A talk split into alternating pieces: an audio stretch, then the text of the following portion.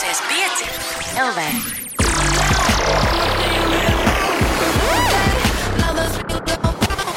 Uzgriez un ir.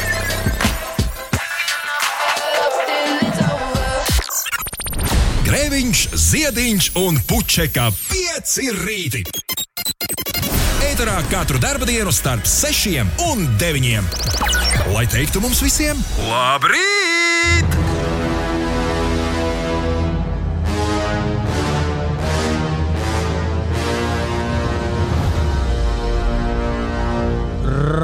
Ram, pam, pam, pam, pam, pam.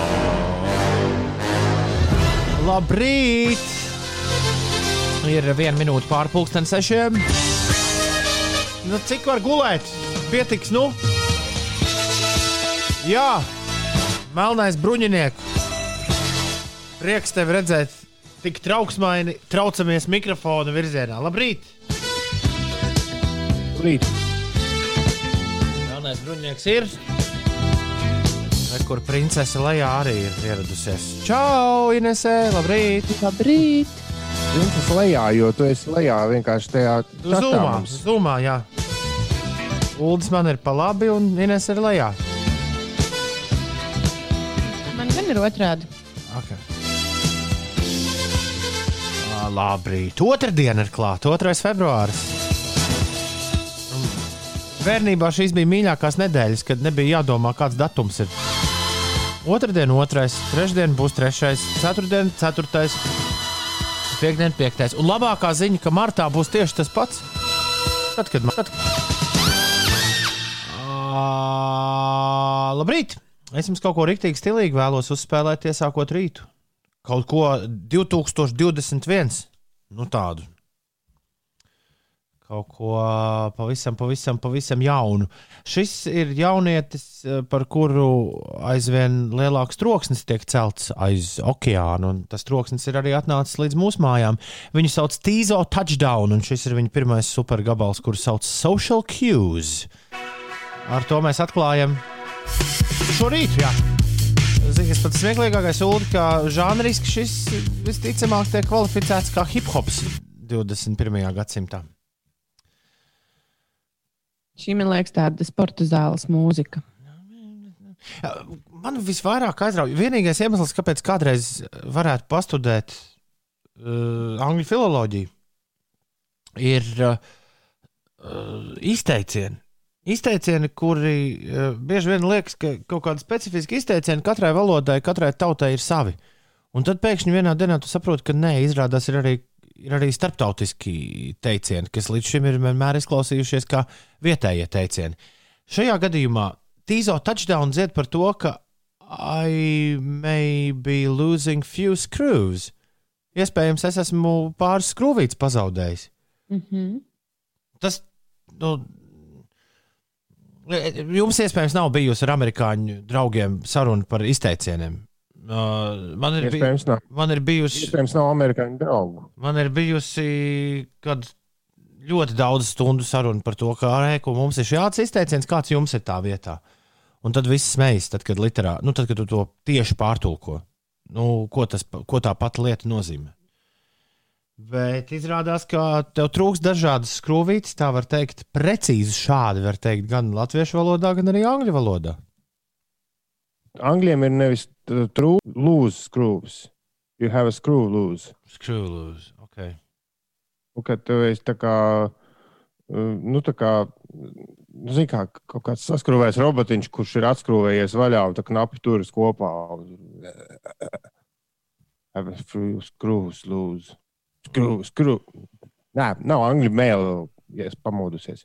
Mm, I may, bet, bet uh, viņš dzied, I may be missing a few screws. Kas ir precīzi? Man trūks dažas, man trūks dažas skrūvītes. Un mēs ļoti labi saprotam, kā viņš jūtas. Šis jaunietis, kurš dzied caur vokodarīti. Oho! I need a mental vacation, viņš saka. I may, I may Jā. be just like you. I may miss a few social cues. I'm so confused. Šī būtu brīnišķīga dziesma, kuru vidusskolēniem angļu valodā mācīt. Starp, nav, neviena, nav neviena rupja vārda, kas arī ļoti jauki. Pārmaiņas pēc Kā tad viņam tā gadījies? šādā mūzikā. Kā tā vispār varēja sanākt? Vai ne? I may be missing a few screws. Starp citu, 12. angļu valodas eksāmenis tuvojas, vajadzēja 1. martā būt. Kas notiks ar 12. klasu skolēnu eksāmeniem? Tas ir ļoti labs jautājums. Man šķiet, ka angļu valodas eksāmenis jau ir pārcelts. Uz nākamo gadu. Nē, uz nākamo gadu, nē, uz mazliet vēlāku laiku. Ko tas dos? Tieši? Labi. Ir 9 minūtes pārpusdienas, 6. Labrīt! Tagad paklausīsimies dziesmu latviešu valodā. The world will wait, tā to sauc angliski. Pasaule pagaidīs. Martā! Martai jau šodien ir dzimšanas diena, ja? un viņa tikai vakar sāka gatavoties balītei. Ko tu saki, Ines? Agrāk, tu domā, ka kūks ir agrāk jācep? Kūks, nē, bet. Um... Nē, nu, labi. Es pats sev arī esmu pārsteidzis ar to, ka es savu dzimšanas dienas ballīti plānoju ilgāk, pēc tam attālinātu ballīti plānoju ilgāk kā mēnesi. Uh, jā, šogad tā tas ir sanācis. Bet, uh, bet be- es biju pilnīgi pārliecināts pēc vakardienas Marta stāstiem, ka viņai ir dzimšanas diena vēl kaut kur tālu, tālu. Uz priekšu, bet, ir, Viņas. bet ir sācies jaukais ūdens vīru laiks, un, un Martai šodien dzimšanas dienā. Mēs mierīgi reizes stundā varam Marta spēlēt, tas nozīmē. Jā, un Marta, Marta, jā, vienkārši Ma- Marta vakar Instagramā visu kaut ko lika, visādus ieteikumus, bet viņa rakstīja, ka viņa uzcepusi medus kūku un šodien tēlošot kurjeru un izvadās pa gabaliņam. Uldim šķiet, viens, ka- Uldim viens pavisam noteikti. Martai nav mūsu adrešu. Man šķiet, ka kaut kas ir ar steigu jālabo šajā. Te. Bet, eh, Marta, ah, ah, bet viņai izdevās. Viņa vakar rakstīja, ka viņai, ja, ja kaut ko viņai varētu uzdāvināt, varētu uzdāvināt nu, tos abonentus YouTube. Viņai tur pietrūka mazliet līdz tūkstošiem, bet tas jau ir paveikts. Tik jauki. Mm, jā. Sliktā meitene šodien tēlos zombiju. Viņa raksta, es vakar tikai divas stundas pagulēju. O, Ines pagājušajā nedēļā arī šādi eksperimentēja. Mm, Jā, es neiesaku. Lai visiem daudz labāka diena, kā man, man vēl 300 km šodien jānobrauc. Un tad tu varēsi iet gulēt? Labrīt, labrīt, Norvēģijas Jānis raksta. Veiksmīgu otrdienu, beidzot atkal dzirdu jūs un sveiciens Lisajam no ķekavas. Es ceru, ka Lisais klausās. Un, uh, jā, vārdsargs Emīls ieskriet laikam, ja, viņš uh, atsāka vakar. Un Čiriks raksta, ka viņam darbs cauri jābrauc gulēt, lai labs miegs Čirika. Kas par šorīt izkrita no gultas? Viņš raksta tā burvīgā sajūta, kad esi uz grīdas. Kā to var dabūt gatavu? Es savukārt pamodos ar niezošām plaukstām. Ļoti dīvaini sajūta. Ulu, tu varētu pusotras minūtes laikā izpētīt, kas tas ir un no kurienes tas ceļas. Es, Ai, Kāpēc tu dosmojies? nē, tāpēc, ka es gribēju atbildēt, bet nemaz nedevu iespēju. Bet ir jābūt taču kādam āķim, lai arī pēc Ines, kas notiek, mums ir par ko runāt. Labi, Gulti pameklē. Es gan esmu dzirdējis par nezošām plaukstām, ka tad nauda gaidām, bet man ne par to jārunā. Bet labi, Latvijas debesis sedz mākoņi, daudz vietā tie ir plāni, nav nokrišņu, poši lēns līdz mērens dienvidu, dienvidu austrumu vējš un gaisa temperatūra robežās no mīnus 3 līdz mīnus 8 grādiem. Savukārt dienas laikā Latvijā no valsts rietumiem mākoņi atkal sabiezēs un pēcpusdienā sāks snikt. Līdz trešdienas rītam visā valstī uzsniks aptuveni līdz 5 centimetriem bieza sniega kārta. Dienvidu, dienvidu rietumu vējš brāzmās pūtīs ar ātrumu 8,13 m2. Gaisa temperatūra pēcpusdienā un vakarā - mīnus 2, mīnus 6 grādi. Galvaspilsētā dienvidu, dienvidu austrumu vējš brāzmās pastiprināsies līdz 12 m2 un gaiss iesils līdz mīnus 4 grādu atzīmē, un vakarā arī šeit sāks snikt. Mazliet par sportu. KHL vienība Rīgas Dienāmā Maskavā tiekas ar turienes CSK spēlētājiem. Mačs pulksten pusseptiņos vakarā. Latvijas otrā raketa Anastasija Sevastova tagad no rīta pulksten pieciem ir sākusi Melburnas sieviešu tenisa asociācijas 500 sērijas turnīru, un tur spēkojas ar krievieti Anastasiju Pavļučenkovu, kuru ir, kurai ir zaudējusi visos septiņos iepriekšējos mačos. Kā tad Ostapenko gāja vakar? Viņi tur ir esot dikti nervozējusi un bļaustījusies, bet beig beigās vinnēja. Ar 2-0 pēc tam. Jā. Opa, opa! Bet esot, jā, tur rakstīja, ka esot diezgan nervi uzdevuši, un viņi esot prasījis, vai es nevaru izstāties tagad kaut kur tur o. Bet Aļonai bišķi tas piestāv. Kas tur ar tām niezošajām plaukstām, Ulu? Nu, kur ir roka tev niezi jautājums? Ir. Labā. Tā tad rokas nieziešana labā roka. Ja ieņems naudu, ja, ja niezētu kreisā, tad būs jāizdod. Jā. Labi, labinieks, ev, labinieks. Bērnībā, gan nu, cik bērnībā, bet kaut kādā pamatskolā gan tur bija citi jociņi par to, kāpēc rokas niedz. To mēs ne, ir septiņi. nevaram. Ir septiņi. Kurš, kurš? Ir Es vīriešu lietu, Ines. septi- Vīriešu lietu. Labrīt. Pie mums Somijā jau patīkami dzeļ augstums. Somūlis raksta, mīnus 10 grādi un sniedziņš čurksts zem kājām. Novēlu visiem labu darba dienu un lai viss izdodas. Pašam novēlu spēku izturēt darbu bez apstājas vēl 30 dienas no vietas. Forši, bet eh, kopā būs nomauktas 42 dienas bez apstājas. Traki! Jā, mēs te iezrocīši nevaram šajos laikos īsti ulu ar tevi kopā uz viena viļņa būt. Labrīt, jaukie pieci rīti. Esmu augšā vakar jauki un forši izskrēju savu treniņu skrējienu 5 km. Super skrējās, kājas jutās viegli, studija bija laki, kongresa itemī, jē. Ines arī vakar Jē. bija devusies skriet. Biju, jā. Labi, bet par to mēs tūdaļ pat uh, parunāsim nedaudz vairāk. Ir 6 un 24. Labrīt, Rīga, labrīt, Latvija, labrīt, pasaule, cēlies augšā! Tā. Labrīt, Rīga, labrīt, Latvija, cēlies augšā. bija mazliet paskriet. Kad es skrēju, man pretī slēpoja slēpotājs bez augšējās daļas apģērba. Es domāju, hmm, trakais, apsaldēsies. Bet tad viņš man ilgi nelika mieru. Nu, ne jau viņš, es domāju par apģērbu. Es domāju, vai sievietes arī varētu slēpot bez augšņas. Arī par viņām padomāt, hmm, trakā, apsaldēsies, vai padomāt kaut ko citu. Ko? Hmm. No. Ko Es- jūs padomātu? Es esmu redzējis filmā, kas slēpo bez augšņas. Filmā? Tas ar tām niezošajām rokām saistīts.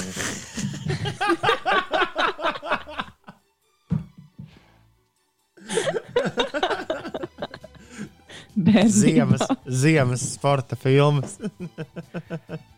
Oh, atgāj, vai tad nebija mums kaut kāda par slēpošanu? Nezinu, bet nebija mums pagājušā ar kaut kādu policijas uh, citāts tieši par sauļošanos ap liko. Bija, Jā, bija. man, nu, bija, bija. Man pēc tam cilvēki atbildēja Instagramā arī visādas savas domas. un Tā jau arī viens teica, ka jā, nu, puiši var sauļoties kā grib. Meitenēm tomēr jāpiesadzās. Un, ja nepiesadzās, tad visticamāk ātri vien būs pašvaldības policija klāta un apjautāsies, kā jūs jūtaties. Bet, ja tu ātri slēpo, Tad Jā, viens nevar tevi otrs- nevar iebraukt ar noķert. savu- ar savu busiņu tajā dziļajā sniegā. Tur slēpjas žik, žik. Jā, Augsti taču. Nu, man arī likās, ka augsti, jā, bet uh, vīrs bija laikam daudzas slēpošanas apļus veicis. Viņam bija karsti. Ir tas kungs, kas braukā šortos ziemā ar riteni par Rīgu. Man redziet, liekas, ir arī tādi, kas ar basām kājām skrien ziemā arī. Es tikai aizdomājos par to, kāpēc uh, uz zemeslodes nu, šī nav lieta, kas ir. Šis nav pieklā, šīs nav pieklājības normas, kas ir pieņemtas uz visas zemeslodes vien, vienlīdzīgi. Un uh, Tad, protams, rodas jautājums, kāpēc, kāpēc tas tā ir? Kāpēc kaut kur tas skaitās ok, un kaut kur tas neskaitās ok? Tur nav sniega, bet, ja tu ā, nu, pat uzsniga, bet ja Madridē tu mierīgi varētu bez augšņas bliest ar slēpēm. Sieviete vai vīrietis? Sieviete, sie, tu, Ines, tu esi sieviete vēl joprojām. Vismaz Nē, izskaties. es vairāk, es vairāk domāju ne jau par slēpošanu un par ziemu. Bet Tad- vairāk jau par to, ka vīrieši, nu, ir kaut kādas lietas, ko vīrieši var darīt, ir kaut kādas lietas, ko sievietes var Vēlreiz, kaut kas Ines, darīt. tagad nesen uzsnigušajā sniegā Madridē tu varētu mierīgi ar slēpēm slēpot bez augšņas, un neviens gailis pakaļ nedziedātu. Man liekas, tas Es ir pre- Madridē. labs, labs izteiciens. Uldi, vai tu redzēji slēpotājus Madridē? Nu, es tur neredzēju, arī, arī nu, es neredzēju tur tādas kailuma izpausmes. Madridē ir kaut ko īpašu. Labi, stulbs, uh, iespējams, stulbs piemērs. Barcelo... Aiziet Barcelonā uz pludmali. Jā, bet kāpēc Pastaigā. tā Madrida? Tāpēc, ka Madridē nesen bija sniegs. Ah, ah, nu, un jā, tāpēc, jā, ka jā. spāņi, uh, pēc- uh, sievietes, uh, kailais ķermenis publiskās vietās netiek uzskatīts par neko ārkārtēju. Jebkuram jaunam cilvēkam es novēlu, tāpat kā man reiz gadījās, man bija laikam 21, aizbraukt uz roka festivālu Spānijā un aiziet uz dušām. Jo Ļoti, novēli. tāpēc kā ļoti, ļoti jauks uh, piedzīvojums. Man liekas, ka Spāņu reizi- rokfest, Spāņu roka festivālā man šķiet, ka pat varētu teikt, labāk par grupām bija iet uz dušām. Man liekas, ka otru reizi joks par tām niezošajām plaukstām vairs nebūs smieklīgi, bet jūs nedodat citu iespēju cienīties.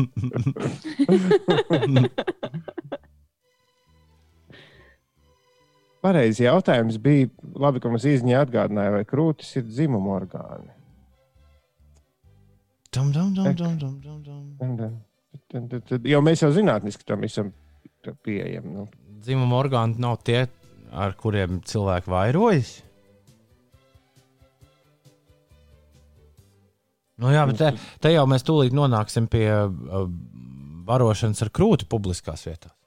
Īsnībā man arī man līdz tam sarunas aizveda. Nu, Instagramā, kad es šo te publicēju, tad bija vairāk cilvēku, kas, kas man atbildēja. Un, nu, bija jau īstenībā tādas jaukas atbildes. Lielākoties uh, vīrieši teica, ka nu, lai jau braukā bez augšņas ar, ar tām slēpēm. Bet, uh, bet, bet, bet jā, es vairāk runāju par to, ka nu, ka ir kaut kādas lietas, ko vīrieši var atļauties, publiski sievietes nevar. Un ir arī otrādi. Nu, labi, dod Ko- otrādi piemēru. Ko Ē. sievietes var?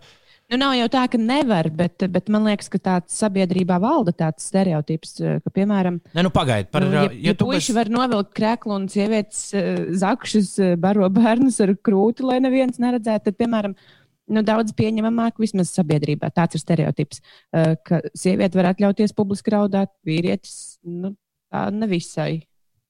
Nu, tas jau nu gan ir stulbi. Tas ir labdarības maratons, dod pieci. Ne jau, nu, nesenā, nesenā Ne jau, pagātnē. es to, ne jau es tā domāju, un ne jau man tā liekas, ka nu, tā tagad ir jābūt, bet tā, tā mēdz būt. Nu, jā, bet, bet tas neviens ne, neaizrādīs. Nu, mēs, Nu, tieši tā, nu, jā. skaidrs, ka neaizrādīs. Bet ja tu- bet vienkārši ja tu ar plikām- sajūtu līmenī lietas, kuras tev šķiet, ka tu vari atļauties, un ir kuras Ines, nevar. Ines, nu, bet, bet, tu ja, esi vienkārši, nezinu, tīzls vīrietis, ja tu nevari atļauties publiski, jo, ai, ai, ai, kāds kaut ko padomās. Nu, kas tad tu pa vīrieti, ja tu baili raudāt? Ja tas bija viens no piemēriem. Nu, jā, es saprotu, vienkārši. Bet ļoti labs jautājums par dzimumu nevienlīdzību. Kas ir tā lieta, ko sievietes var atļauties, bet vīrieši nevar? Ne, ne, te, te, te ir, es, es tomēr dzirdu dažādas, dažādas kategorijas. Ines, ja tu plikiņam pa meža parku paslēpot, tev visticamāk pies, nu, sastādīt kaut kādu aktu policija. Nu, vīrietim arī. Bet ar augšņu, augšņu to jau mēs noskaidrojām, ka par augšņu, augšņu ir negodīga attieksme. Jā, ja Ulas apraudātos meža parka strādāja blakām stāvot un netiekot iekšā, nu neviens neko neteikt. Bet- huma, humānā sabiedrībā kāds pienāktu klāt un apvaitā, apjautāt, apjautātos, vai viss ir ūdenim kārtībā. Vai tas gluži tā notiktu, Ulu, ja tu šodien paraudāt pie meža parka estrādes, nesmu drošs.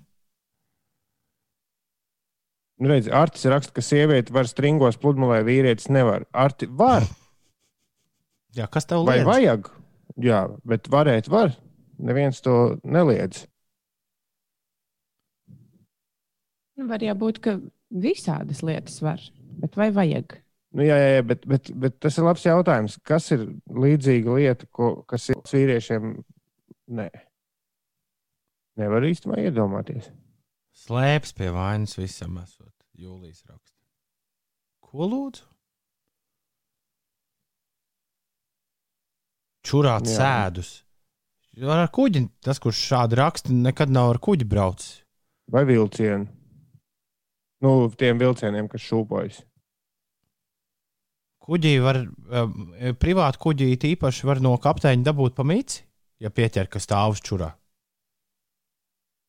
Es zinu, Kādam ir jāsatīra pēc tam. Es zinu, es vienreiz dabūju atteikopt. Pa, pa mīci gluži nē, bet ar spāņu un lupatu atteikopt. Tas tavos kuģa gados, ja? Tas manos kuģa zēna gados. Jā.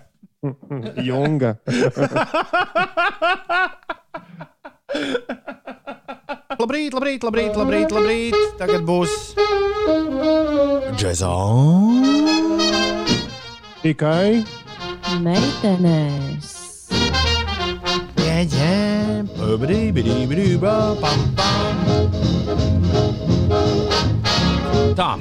Šodien dzimšanas diena būtu vienam varenam vīram, kurš atšķirībā no daudziem citiem džezmeņiem, man liekas, ir viens no tādiem vīriem, kuru mm, var iesmērēt arī cilvēkiem, kuri ar džēzu, uz, ar džēzu ir riktīgi uz jūs. Man ir tāda sajūta radusies. Tādu ļoti pieejamu mūziku spēlēja amerikāņu leģendārais saksofona meistars Stans Gets. Un īpaši sevi mūzikas vēsturē viņš, jā, viņš ierakstīja dēļ tā, ka sasējās ar Brazīļiem. Kaut kā sadraudzējās ar Žogu Gilberto un Antonio Carlos Hobimu. Un uh, netīšām sanāca, ka tieši viņš bija vainīgs pie tā, ka globāli uzsprāga žanrs 60. gadu vidū, ko sauc par Bosanovu. Stanlijs Gets. Viņam šodien būtu dzimšanas diena. Viņš atvadījās no mums 91. gada jūnijā, bet ā, šodien Stanam Getsam paliktu cik? O, ej, nu izrēķini. Simts vēl nav. Simts vēl nav. Man sanāk, ā, man sanāk 94, bet ā, manas rīta rēķināšanas, ne, 94 nebūs 96. rīta rēķināšana galīgi nav tas labākais, ko darīt. Es kalkulātoru pie tam. Stanlijs Gets. Uh, uz, uzliekam vienu gabalu no man ļoti mīļas Stanlijs Gets plats, kuras netīšām nopirku reiz kādā par uteni to sauc. Nu, veikalu, kur pārdod lietotas plates. Jo, kā jau teicu, stan, iz, ieraugot plati, kur tu virsū rakstīts Stans Gets, tu īsti aizšaut garām nevari. Un, ja viņi ir par lētu naudu, tad jāpaķer un jāpaklausās, kas tur iekšā. Un es biju ļoti pārsteigts par to, ko es tur dzirdēju. Bet tad šķiet, ka tu gribi kaut ko vēl pateikt, pirms es komentēju to, ko es tur dzirdēju. Nē, es gribēju teikt, ja nu, īstie Stangaits cienītāji mums droši vien gaida tagad Girl from Infanē, bet to mēs esam nospēlējuši un nodo, iedokumentējuši, kā Gilberto pāra izpildīt. Lai gan Stans Gaits tur spēlē ļoti lielu lomu tajā. Bet Šoreiz mēs par viņu vienu. Jā, man, ir, man bija tiešām ļoti interesanti atrast šo plati, uh, kuru sauc Voices. Un it īpaši man likās interesanti, cik tā sasaucas piemēram ar uh, to, kā, kā Masija Vašingtons mūsdienu. Gets, uh, ja ne tieši, tad pastarpināts sekotājs, arī saksofonists. Viņš arī izmanto kori, balsis uh, savā mūzikā, un Stans Gets uh, 66. gadā pamēģināja uztaisīt eksperimentu, un uh, jā, kopā ar uh, tradicionālu džēzus sastāvu ievest studijā kori, kurš darbojas nevis kā uh, balss, kas dzied kaut kādu konkrētu dziesmu, bet kas uh, ir vēl viens instruments. kurš papildina uh, šo visu. Un, un šis paņēmiens, es neteiktu, e- es nezinu, vai viņš pirms šī Getsa albuma ir kādreiz, uh, nu, noteikti ir e, izmantots. Nu, nevar būt. Tad, tad šis albums būtu pilnīgi citā statusā, ja Gets būtu pirmais, kas to izdarījis. Bet, uh, jā, joprojām, joprojām ļaudis tā dara, un tas ir, tas ir vareni interesants paņēmiens. Mums, kā kormūzikas cienītāji tautai, man liekas, īpaši vajadzētu pievērst šim uzmanību. Nu, lūk, Stana Getsa albums Voices, uh, kurā ir nezināms, ko interesanti rakstīts Wikipēdijā. Nezināms, kuras dzied, bet uh, toties uh, Herbijs Hankokс ir pie klavierēm, Jims Halls spēlē ģitāru, bass, Rons Kārters un Greidijs Teits pie bungām. Uh, dāmas un kungi no Voices Stana Getsa jubilejā. Šodien skan skaņdarbs Keep Me in Your Heart. Man liekas, ļoti labs tāds piemiņas gabals. Lūdzu, paturi mani savā sirdī. Stans Gets, džeksa tikai meitenes.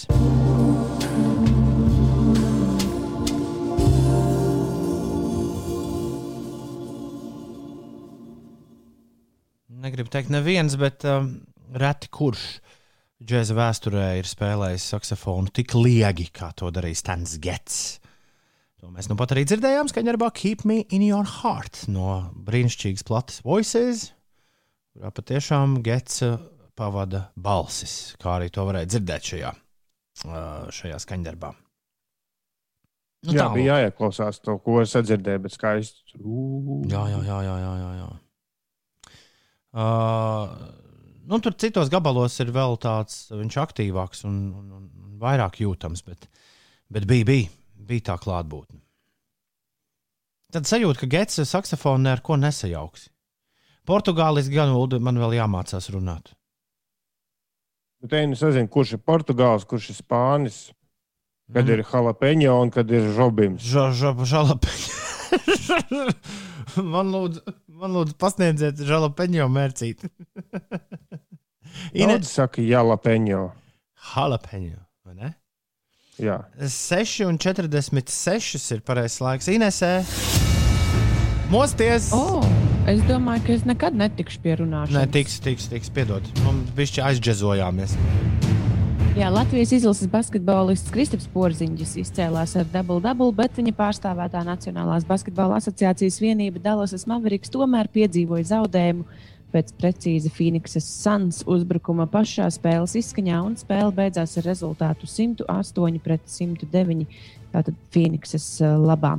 Vēl Nacionālajā hokeja līgā pirmo reizi šo sezonu savstarpējās spēlēs York Rangers izcīnīja uzvaru pār latviešu uzbrucēju Teodoru Bļūgera pārstāvēto Pitsburgas Penguins ar rezultātu 3-1. Šoreiz Bļūgers palika bez uh, punktiem.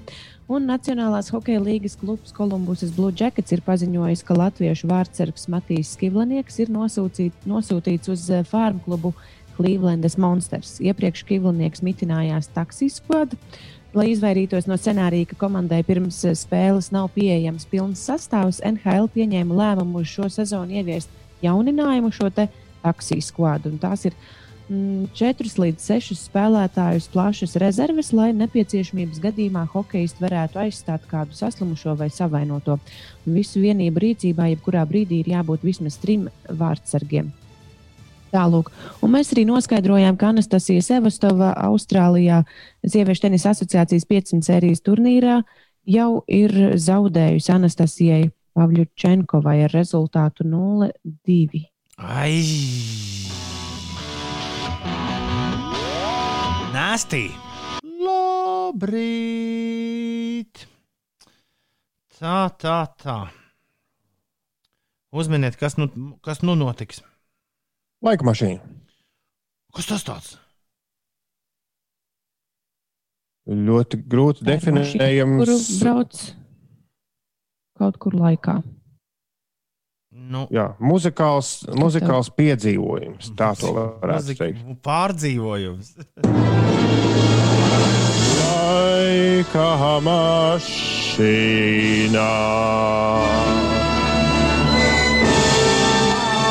Ba, ba, ba, bararā.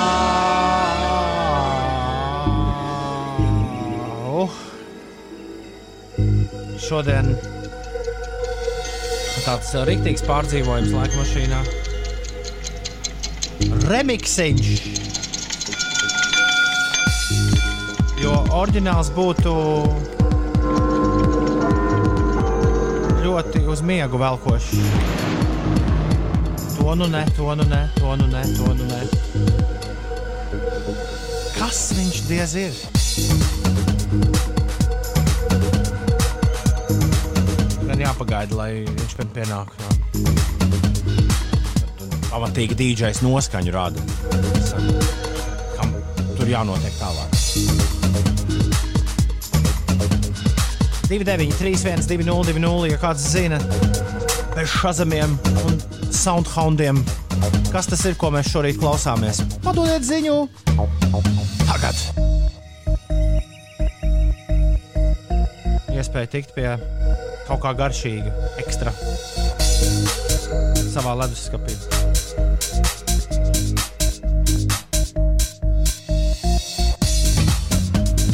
Ulu, kā tev šķiet, cik ilgs laiks vēl paies, līdz kāds sāks dziedāt?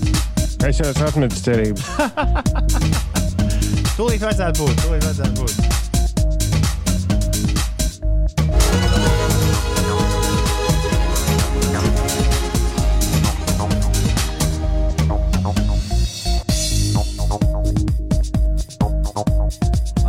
Slavenā modulācija, kas vēl šajā dziesmā, oriģinālā ir uz augšu, šajā versijā nebūs.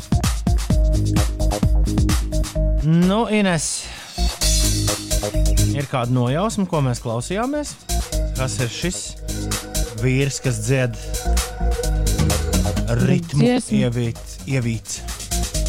Dziesma, man liekas, ka bija Maikla Džeksona. Saki drošāk. Maikls Džeksons.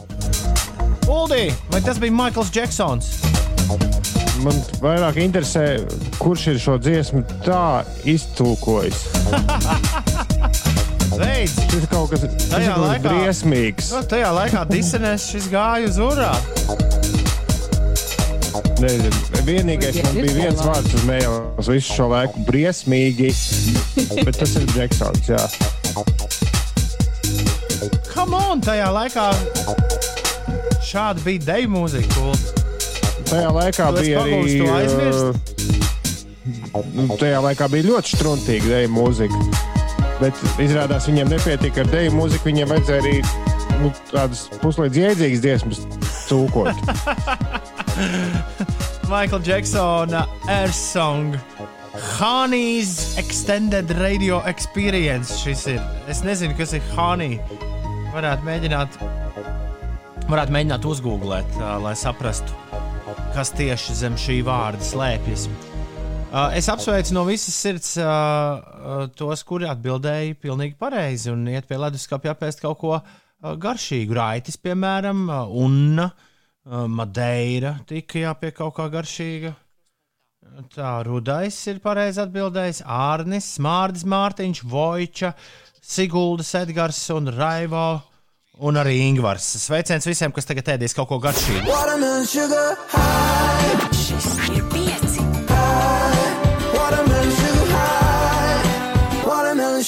Uzgriez! Labrīt, labrīt, labrīt, labrīt. Pirms mirkļa laika mašīnā mēs dzirdējām labi remiksētu Maiklu Džeksonu, un uh, Ulrichs Ziediņš galīgi nebija. Uh, nu, tā teikt, lielākais šī remiksa fans. Mēs, bijām tam, Jā. liec, mēs tam bijām liecinieki visi. Un uh, tu uzdevi ļoti svarīgu jautājumu. Kas tas par uh, Džeku, kurš remiksēja Maiklu Džeksonu? Es devos to izpētīt, kamēr skanēja ziņas. Es to ļoti vērīgi pētīju. Tik vērīgi, ka ziņas pat pārtrūka vienā brīdī, par ko es ļoti atvainojos. Bet uh, tiem, kas to ir palaiduši garām, vai arī nejaušiem garām gājējiem, es varu atgādināt, ka mēs neatrodamies studijā. Neviens no mums nav profesionālā radiostudijā. Mums ir visādi vērķi, kas mūs aizved līdz profesionālajai radiostudijai. Bet es atrodos savas mājas garāžā, Ulas ir uh, viesistabā un Ines arī ir viesistabā. Bet, viņi, Viesistabā, bet jā. viņi nav vienā viesistabā, viņi katrs ir savā mājā, viesistabā. Tā mēs te esam saslēgušies kopā, tā mēs sociāli distancējamies, tā mēs, tā mēs nevienu nesatiekam un neizplatām netīšām. Balva. Ko? Baumas. Baumas. Jā. Tā tad.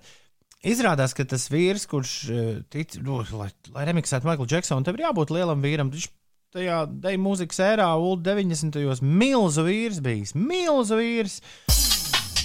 Kā rakstīts viņa Wikipēdijas lapā, viņam pat izdevās dabūt uh, vienu deju grāvēju arī personīgi. Kā savu, kā savu solo skaņdarbu topos, un to sauc Baby Wants to Ride.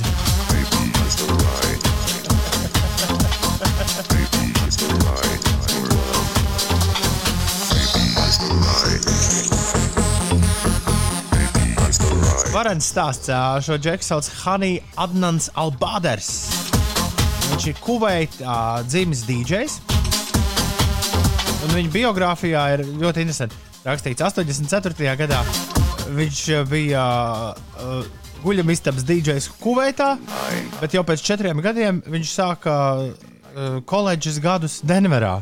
Amerikas Savienotajās valstīs. Kā viņš tieši no Kuveitas nonāca Denverā, to mēs nezinām. Bet pēc uh, tam, kad viņš bija uh, desmit gadus uh, nodzīvojis Amerikā, viņš nonāca Ņujorkā kādā DJ skolā. Tur izmācījās kārtīgi. Un no 94. gada sāka remixus visādiem māksliniekiem. Un viņu vidū ir Shinedo Conor, Stings, kas te vēl ir pazīstams, Simply Red, Prince. Un uh, šim džekam, Ulu, ir arī remix Eltona Džona leģendāriem skaņdarbam Uzmini kuram. Candle in the wind. Nē, Kandalīna viņš šādos ritmos varētu būt ļoti interesants. Rocketman. Viņš ir remixējis arī Rocketman. Tas tipisks 90. gadu Ņujorkas klubu skanējums šis ir. Es nesaprotu, Ulu, kāpēc tev ausis sāp. Teorētiski visam vecajam atkal jānāk modē kaut kādā brīdī. Šis izklausās diezgan modīgi.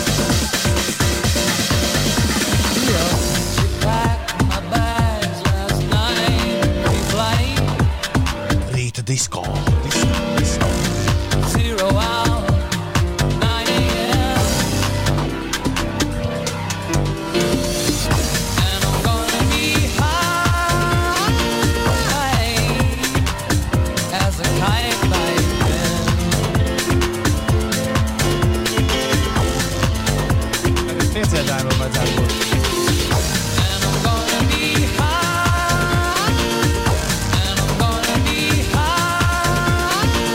Nejausmas, ko DJs Hanī dara 2020. gadā. 21. gadā es atvainojos. As a kite by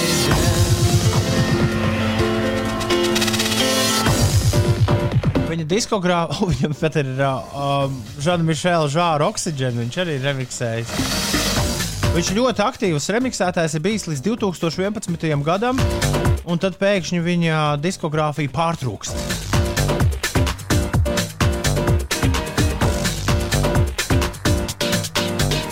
Nav nejausmas, ar ko viņš nodarbojas. Tagad.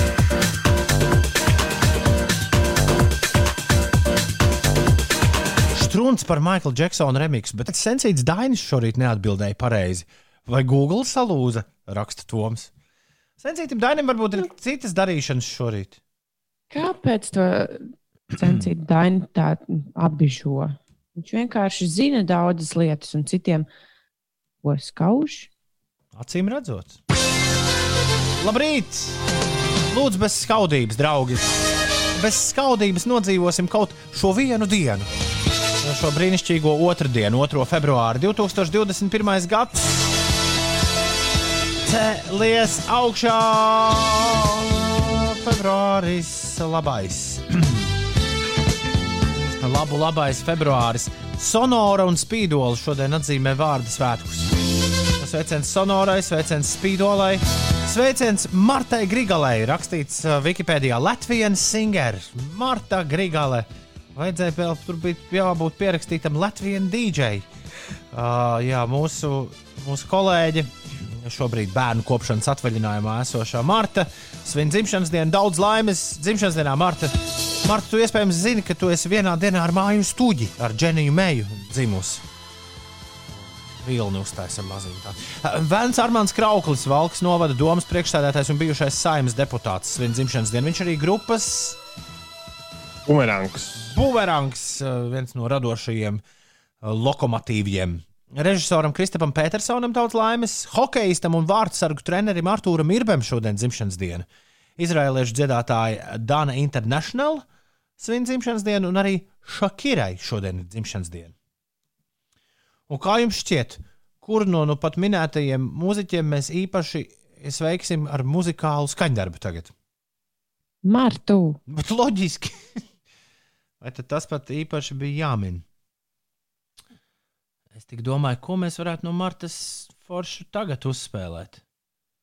Droši vien, ka viņas muzikālās bankas grāvēju. Drāma. Nu jā, Jā. drāma, dāmas un kungi, Martas dzimšanas dienā. Drāma, dāmas un kungi, Martas dzimšanas dienā. Tas iepriekš dzirdētais remix meistars, man liekas, šo arī varētu ļoti labi apstrādāt. Tāpat kā Eltonu Džonu un Maiklu Džeksonu viņš apstrādāja. Es pilnīgi iedomājos, man liekas, ka tur labi iedarētos. Daudz laimes, Marta! Manam lielajam piecgadniekam Emīlam šodien dzimšanas diena raksta Sigita. Jūs varat lūdzu apsveikt, lai vēl jaukāk iesākas rīts. Emīļa galvenais nedara nedarbus. Tad viss būs labi. Daudz laimes dzimšanas dienā, Emīļa. Labs rīts. Šorīt nav labs rīts, raksta zaļā vārna. Atbraucot uz darbu, es konstatēju, ka pa nakti aizsalušas metāla ārdurvis. Tagad ir jāgaida smēķējošais kolēģis ar ugunsmašīnu. Uh. Man arī bija garāžas, garāžas atslēgas, tad cik aizsalus. Bet es svētdien jau ar šo nodarbojos. Vienkārši ņēmu un man izdevās to ledu nodauzīt.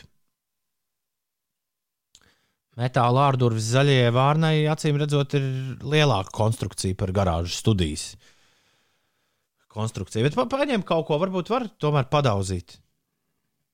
Nu, nav jau arī tik augsts. Kaut gan šorīt ir augsts. Pilnīgi jūt. Man rāda, ka ir mīnus 6 grādi. Tā varētu būt. Jā. Un vēl sniks tūlīt. Vispār Rīgā vakarā sāks snikt. Telefons rāda, ka jau snieg. Labi, es aiziešu pārbaudīt, kā tur īsti ir. Tikmēr jūs paklausieties jauno Royal Blood gabalu. Šis ir taifūns. Patiesi žēl, ka neesmu mājās jau šobrīd, jo arī manam mazajam rūķim Gabrielam šodien dzimšanas diena - četri gadi. Hip hip urā! Sveicieni viņam, raksta Somu Uldis. Ir 2. februāris, ir otrdienas skan 5 rītī, un Ines tagad 7,25 minūtēs stāsta, kas notiek.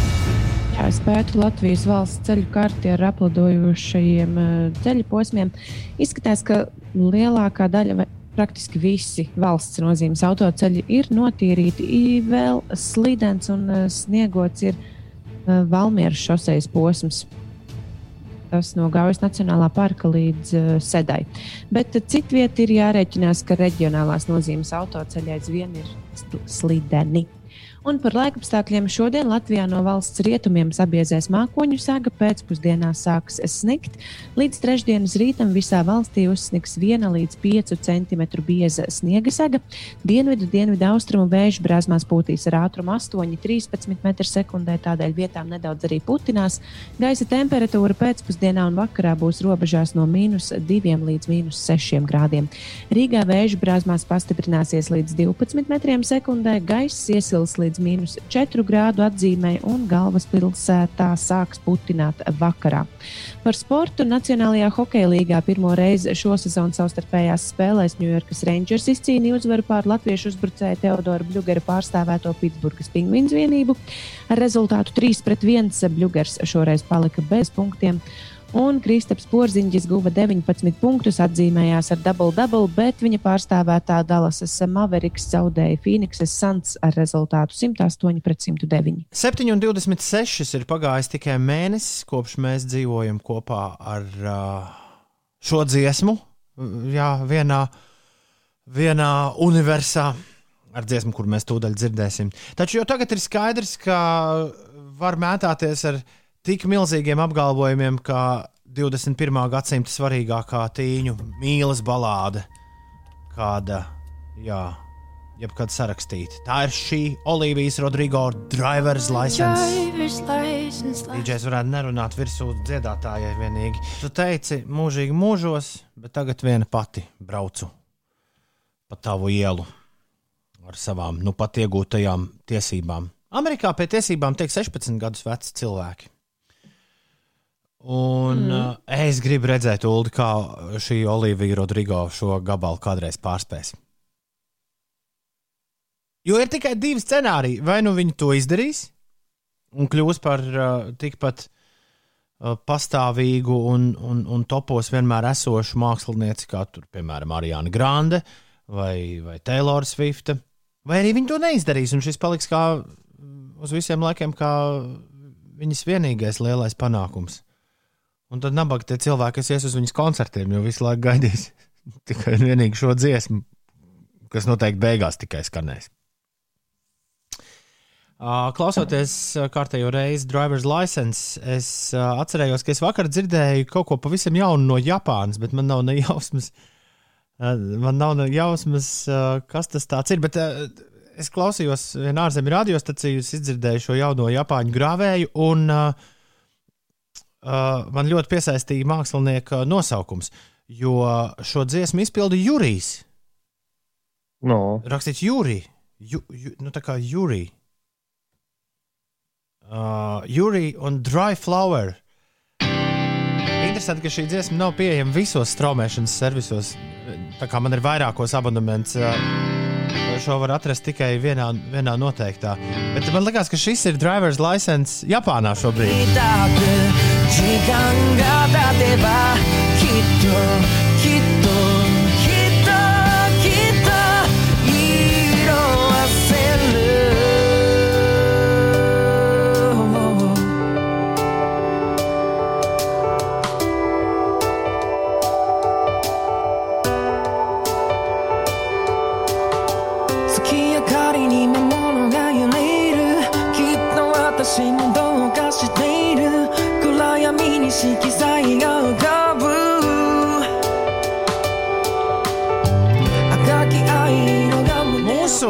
mūzikā sen nav bijis šāds jauneklis, kurš tā mažorīgi padziedātu.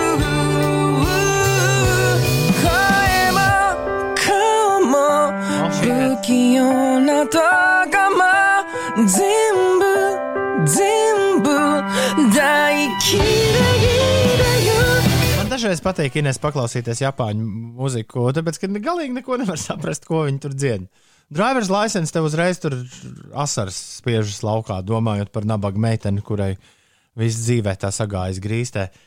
Toties tiesības dabūjusi. Bet šeit.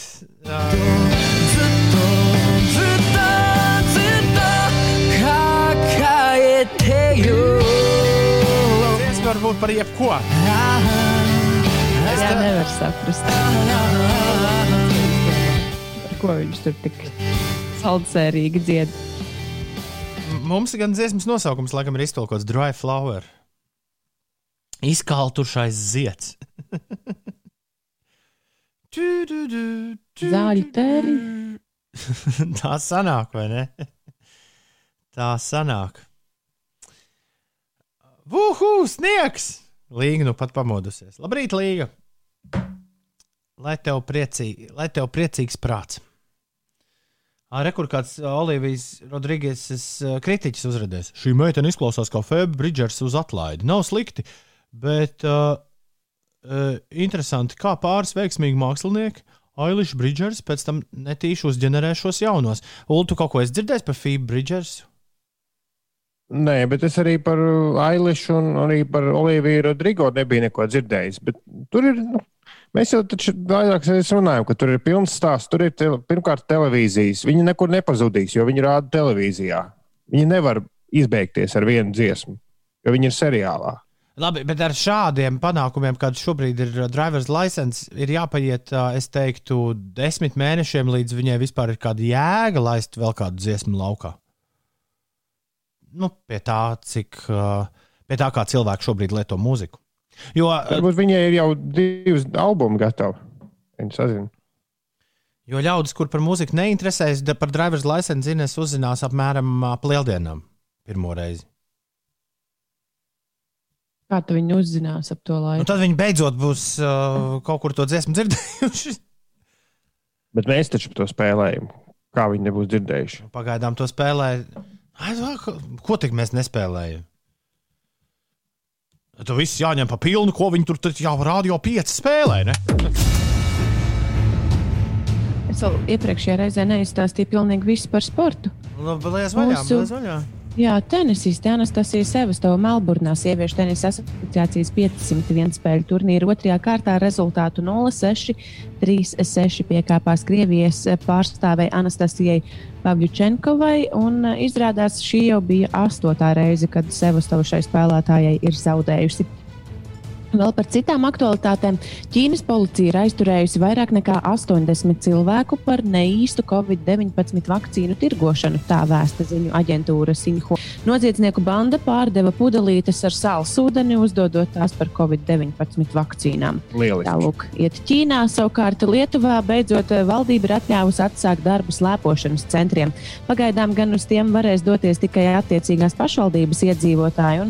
Nebūs arī atļauta inventāra noma, kā arī citi ar slēpošanas trašu darbību tieši nesaistīti pakalpojumi.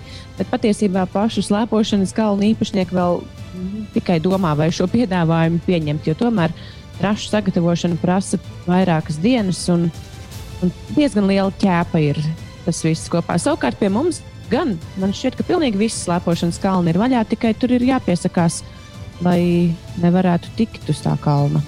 Ir 7,40. Otradienās šajā laikā mēs parasti runājam par to, kas jauns un aktuāls televizorā. Televizoru paskatīties. Tūlīt pat mēs arī to runāsim. Bet pirms tam mums, diemžēl, šorīt ir sēru vēsts. When I wake up in the morning and the love gives out a warning, I don't think I'll ever make it on time. By the time I grab my books and I give myself a look, I'm at the corner just in time to see the bus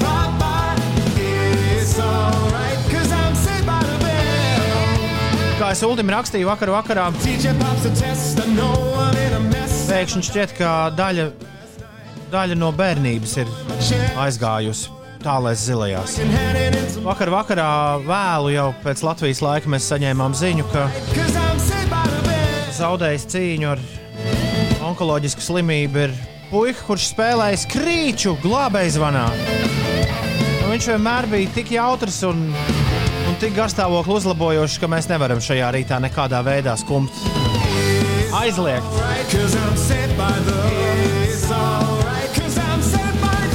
Kopš uh, dot pieci labdarības maratona, kurā mēs runājām par onkoloģisko pacientu psihosociālo rehabilitāciju, bieži vien kāds no cilvēkiem, kas ir pārdzīvojis, uh, pārdzīvojis onkoloģiskās slimības, man šo to uzrakstu, un šorīt uh, kāds šāds cilvēks man komentēja vakar bildi.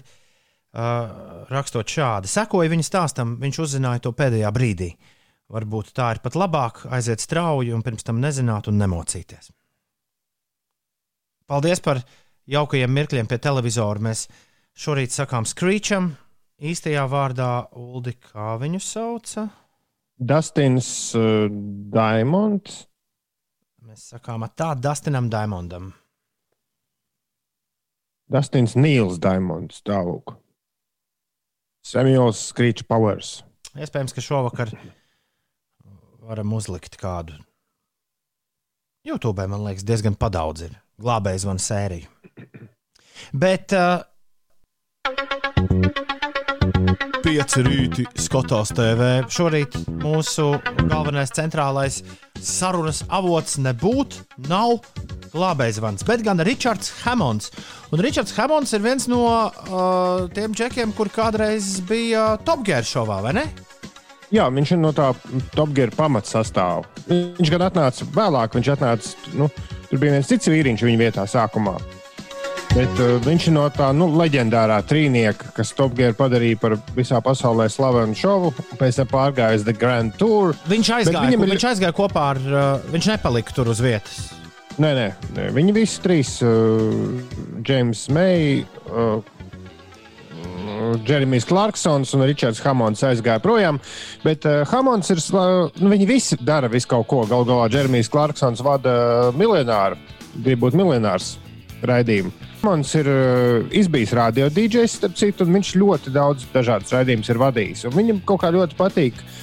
uh, Tās lietas, ko rāda Discovery un tam līdzīgos kanālos, nu, visādas zināšanas, zinātnes un izpētes lietas un tam līdzīgi. Un Discovery to ir uzķēruši. Jā. Un uh, šis ir raidījums, ko viņš šķiet, ka sāk, man liekas, ka viņš palaida gaisā apmēram pirms gada. Šī ir pirmā reize, man šķiet, pēc rīta skatās TV rubriku, kad, kad uh, rubrika ir atrasta tiešām televizorā, nevis kaut kādos tur straumētavās vai kur. Bet Pults vienā vakarā apsēdās pie televizora, pa- spaidīja pulti un eju, šito rāda pa televizoru, jē, jāpaskatās. Un tiešām nenožēloju. Nu jau otro svētdienu pēc kārtas esmu pavadījis šī raidījuma kompānijā, un arī kolēģis mazliet ievilcis. Runa par Richardu Hammondu Big. Kas ir mazliet ironiski, jo viņš vienmēr tika apspiesti par viņu mazo augumu tajā Top Gear raidījumā. Un, nu, īstenībā tur nav daudz ko stāstīt. Viņš izpēta no iekšpuses lielas lietas. Nu, Rīktīgi lielas lietas, lielākās lietas pasaulē. Viss sākas ar pasaulē lielāko auto rūpnīcu. Tā ir vienīgā sērija, kur es noskatījos. Jā. Varētu. Uh, Runa ir par uh, Šmolks, Wolfsburg. Jā, Wolfsburgā, Vācijā esošo desiņu rūpnīcu, ja es pareizi Jā, sapratu. jā, jo tas taisa vairāk nekā mašīna. Un, un, un, uh, jā, un es savukārt esmu noskatījies citas sērijas. Man īpaši patika sērija par uh, Dubajas. Uh, nevis, bu- es vienmēr jaucu tās divas mājas. Vai sakot par augstāko ēku pasaulē? Un es īstenībā varu pateikt tikai vienu epizodi no šīs sērijas, kuras dēļ ir noteikti vērts to uzsvērt. Viņš uzbrauc pašā, pašā augšā. Tur ir vēl apmēram 80 metri virs vietas, kur tiek parastie cilvēki. Vēl var pa tādām trepītēm uzkāpt 80 metrus. Un 80 metri sanāk diezgan normāla māja, vai ne? Kāpšanai. Nu, jā. Ja tev jākāp ir pa parastām tādām trepēm, nu, ar, ar kur ar rokām rāpies. Un viņi uzkāpa pašā, pašā augšā. Tur ir tāda, tāda maza vietiņa, kur var divi cilvēki knapi saspiesties, un tur jānotīra antenas un zibens novedēji. Un, un tas skats, ka viņš, viņš tajā brīdī viņš ir nu, viss, viss, viss, viss augstākais cilvēks pasaulē. Nu, ļoti iespaidīgi. Un tad vēl tur ir vīri, kas tīra stiklus no ārpuses. Viņi trīs mēnešus tīra un tad sāk nu vēlreiz no sākuma. Un tā visu gadu. Trīs mēneši, kamēr notīra visu māju, tad brauc atkal augšā, atkal trīs mēnešus tīra visu māju. Un tā uz rīņķa. Un līdzīgas eh, detaļas viņš atklāja gan par kādu eh, Tottenham Hotspur stadionu Londonā, gan par lielāko tuneli pasaulē, gan par milzu vilcieniem tieši. Vilcieniem, jā, par milzu dambi, par milzu lidmašīnu, par milzu kuģi, par milzu naftas platformu un, un, jā, un par, par lielāko auto rūpnīcu pasaulē. Atsakot, ja tev patīk visādas šādas rūpnīcas, bet nezinu, un, un lietas, un nezinu, no kura gala sākt, tad šeit ir ļoti forši, jo šeit ir savākts uzreiz vislielākais. Nu, kā ir raidījumi, kurš tev stāsta par tur tādu lidmašīnu, tādu lidmašīnu, tādu kuģi, tad tu domā, nu jā, bet tur ir tik daudz, kā lai noskatās visu. Šeit aizmirst to visu iepriekšējo, šeit ir vienkārši vislielākais paņemts, un par to ir izstāstīts apmēram stundu garā epizodē no A līdz Z. Un tas, kas to padara patiešām skatām, ir paša Hamonda personība, jo viņš, uh, viņš principā viņš uzvedas tieši tā, kā es atceros viņu no Top Gear, un es neesmu galīgi bijis tas Top Gear citīgākais skatītājs. Jautri, nepiespiesti, sirsnīgi. Uh, Viņš tēlo muļķi. Jā, nerojot uh, tur cilvēkus, kurus viņš satiek, bet ļoti labdabīgi mm, pa ceļam. Viņš arī izrāda un parāda, parāda tā, lai mēs saprastu visu par, uh, par to, kā strādā kaut kas, kas īsti nu, no malas tā, tāda liela robotizēta rūpnīca. Nu, liekas, kā, kas tas tāds vispār ir? Bet Hamondam izdodas to izstāstīt ļoti, uh, ļoti elementārā valodā. Un man liekas, ka tas ir arī tas uh, pats foršākais. Es nezinu, vai es uh, tā dikti gribu uh, turpināt šo skatīties, bet uh, pirmās 40 minūtes par vācu autorūpnīcu Es pavadīju ļoti labi vakar vakarā. Richard Yes, Ham Richard Hammonds Big. Šis uh, tiek rādīts um, Discovery kanālā. Jā. Jā, Ines, tev kaut kas piebilstams? Eh, Es noteikti noskatīšos vismaz to pirmo sēriju. Jā. Ziniet, kas vēl norāda jumta? Vēl viens uh, fakts, No, no, no. ka lielākā konteineru osta pasaulē ir pilnībā automatizēta. Visas tās mašīnas, visi tie uh, cilvēki, kas atcerieties, filmās rāda cilvēks, spēļ celtņos un cilā konteinerus. Tas viss notiek milzīgā tādā robotizētā pasākumā. Wow. Kurā vietā tas ir? Uh, Rotterdamā Tā jau man likās. Uh, jā, Kaspars Zviedrijā mums uh, piebilst uh, loģiski, tā kā noslēdzot šīs dienas uh, pieci rīta skatās TV. Viņš saka, ka, jā, Hamondam kā reiz ir arī jauns raidījums, kurš sauc The Great Esca- Escapists, jā, jeb Escapists ar Mythbusters džeku Švamazonā. Es tādu, Jā, pa- es tādu faktu arī atradu, jā, bet nu, mēs vēl neesam, līdz tam mums vēl jātiek. Par šo mēs noteikti parunāsim, jo šis ir kaut kas pilnīgi kuku. Viņi it kā ir izmesti uz vientuļas salas, un viņiem ir it kā pieejams viss, kas no tā kuģa palicis pāri, un viņi no tām atliekām būvē visādas lietas, kas viņiem ir vajadzīgas, bet viņiem ir vajadzīga automašīna, viņiem ir vajadzīgi tanki, jo viņi sāk karot savā starpā. Tas ir diezgan dīvains raidījums. Lieliski, Par to lieliski. nākamā citreiz. Uh, jā, šaumenis ar lielo ešu, Ričards Hamonds uh, šorīt rubrikā Pieci rīt! Skatos, TV. Redz, ko Kārlis atrakstīja. Kārlis ne ar to kāju izkāpis no gultas. Lauka. Auto rūpnīca nav labākā sērija, un nē. vispār ir pilnīgs uh, Labi, Kārli, pakla... Kārli paklausies jaunu mūziku no Latvijas. Kas jādzer Latvijas mūzikā? 5 LV iesaka tramplīns. Tā, tramplīna laiks, uh, meitenes un zēni. Kā tur bija, ka māte tam meita? Ja? Jā. Jā. Marks Matisons, 7 gadi, 17 gadus jauns mūzikas producents un DJs Mark Mate šonadēļ. Mark Mate, Mate tā kā, nu, tā kā draudziņš. Mark Mate, 17 gadus jauns mūzikas producents, šonadēļ tramplīnā, aizsācis savu karjeru vien pirms diviem gadiem, un kopš tā laika jau pusmiljonu straumējumus savācis dažādos pasaulē slavenos straumēšanas servisos, un arī diskžokeja Nikijs Romero, Maikls Kalfans, Dehim un Don Diablo savos internetu raidījumos spēlējuši viņa mūzi, mūziku. Mēs šim jaunajam talantam ticam. Un gaidām no viņa lielas lietas, un tieši tāpēc šonadēļ īpaši jūs iepazīstinām ar viņa pirmo supersinglu, kuru nosaukums ir You. Jā, tik vienkārši. Mark Mate un You. Dzirdi kā atsveras Latvijas jaunā mūzika - tramplīns.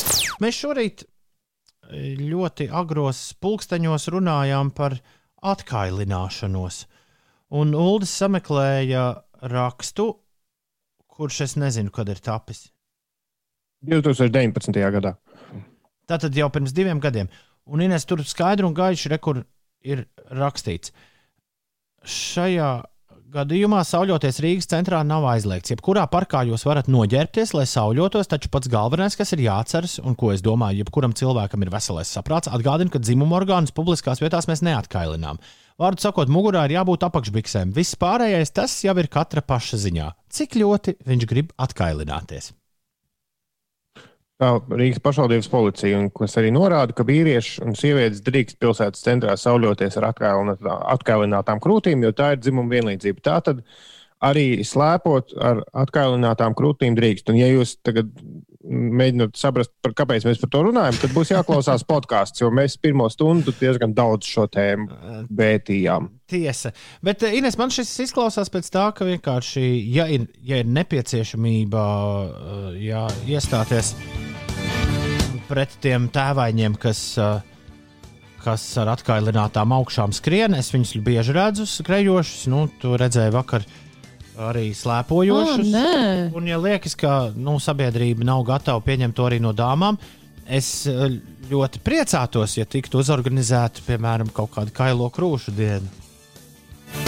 Nē, tas galīgi nebija domāts tā, ka. "O, man tas ir nepieņemami. Es Uldi, vienkārši jūni- mani... Katru gadu jūnijā, pirmajā sestdienā, pārdomas. visas dāmas dodas parkos, sauļoties. Bet te jau ir otra problēma. Pašam jau varbūt uh, varētu gribēties vai patikt, bet uh, ir tādi tēvaini, kas.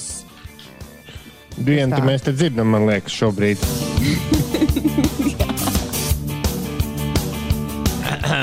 Pareizais laiks ir 8 no rīta.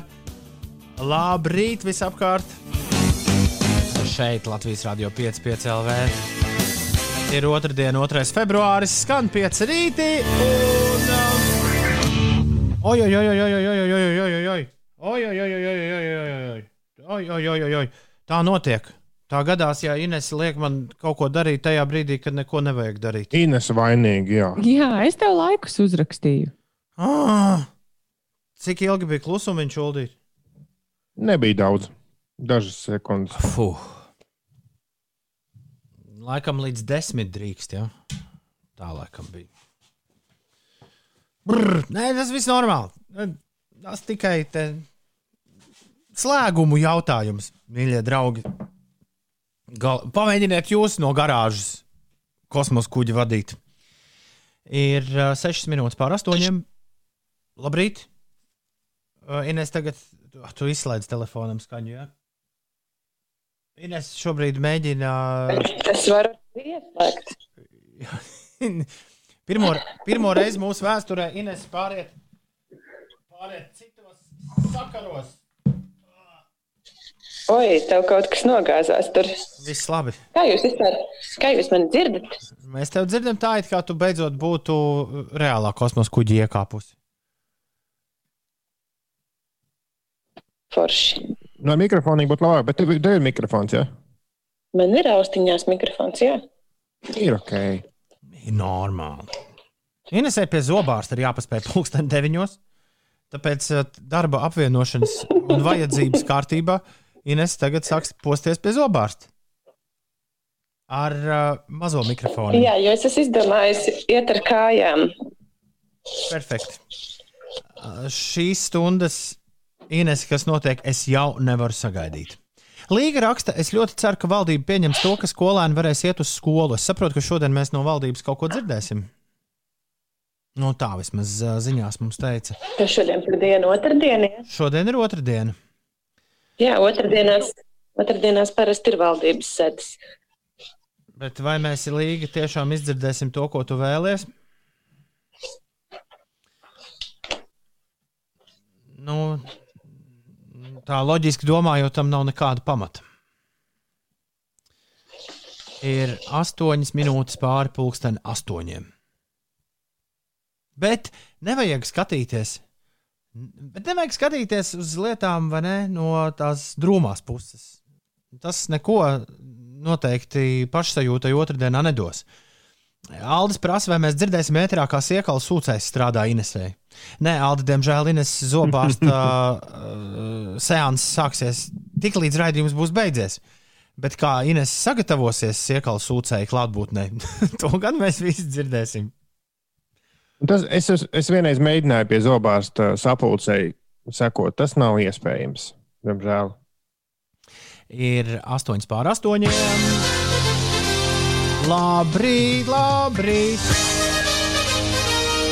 Šeit Latvijas Rādio 5, 5 LV.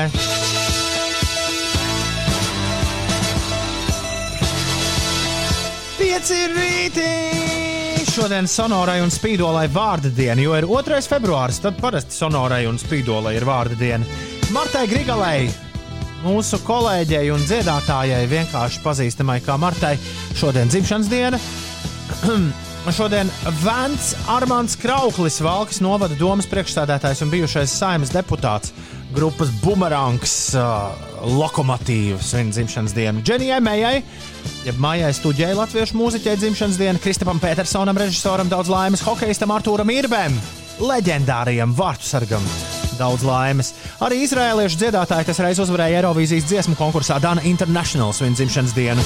Un šodien dzimšanas diena arī whenever, whenever, whenever be together.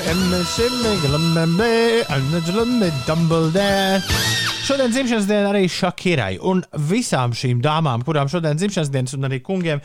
Par godu mēs tagad uzdancosim modernu disko danci. Šis ir interesants. Uh, Paldies, Artē, kur atrakstīja, ka šodien ir murkšķa diena. Uh, Patiešām šodien uh, Pensilvānijā pēc uh, slavenās, uh, slavenās tradīcijas Punksatonijas uh, ciematiņā ir jāvelk murkšķis ārā no alas un jāskatās, kādu ēnu viņš metīs, un tad mēs noskaidrosim, vai tūlīt būs pavasaris vai vēl ilgi turpināsies ziema. Punksatonija fell. Uh, interesanti, kā tas notiks attālināti. Jā, ja es tu, atceros, ka pirmā reize par šo es uzzināju, kad, uh, tikai tad, kad ar jums kopā sāku strādāt. man patīk, ka jūs abi lasāt mūsu aizkadra sarakstus. Es nevaru to. Tas man apstādina vienu aparātu, ja es šorīt lasu uh, Un- sarakstu. Nu, labi, labi. Tāpēc Es mēs vienkārši esam. atbildēju Tomam. Nu, jā. Nē, nē, tāpēc mēs esam uh, Zoom, nu, tajā konferences zvanā, lai mēs varētu dziesmu laikā šādas riet- lietas izrunāt. Bet par to būs interesantajās ziņās. Jā. Uh, uh, Klau, uh, nemokiet Inês, raksta Andrejs. Slēdziet nost un lai mierīgi sataisās. Zobārsts vēl paspēs paspīdzināt. Uh, nu, tā viss te nebūs, Andrej. Tad nebūs interesanti. Tāda vairs nebūs interesanti. Kā mēs runājām, ka katrs fails ir saturs ēteram. Apmēram. Un vēl, un vēl Mēs nav pat tas fails bijis. Jā, bet Ne, nu, bet bišķiņi, īstenībā mēs neesam par vienu gadījumu arī aprunājušies šodien. Taisnība, jā. par kādu gadījumu? Un Ines vakardien rakstīja, mums tur bija viena saraksta par uh, zābakiem, un Ines pie reizes man pastāstīja, kā viņi saņēmusi kādu sūtījumu. Mēs par šo parunāsim pavisam, pavisam drīz.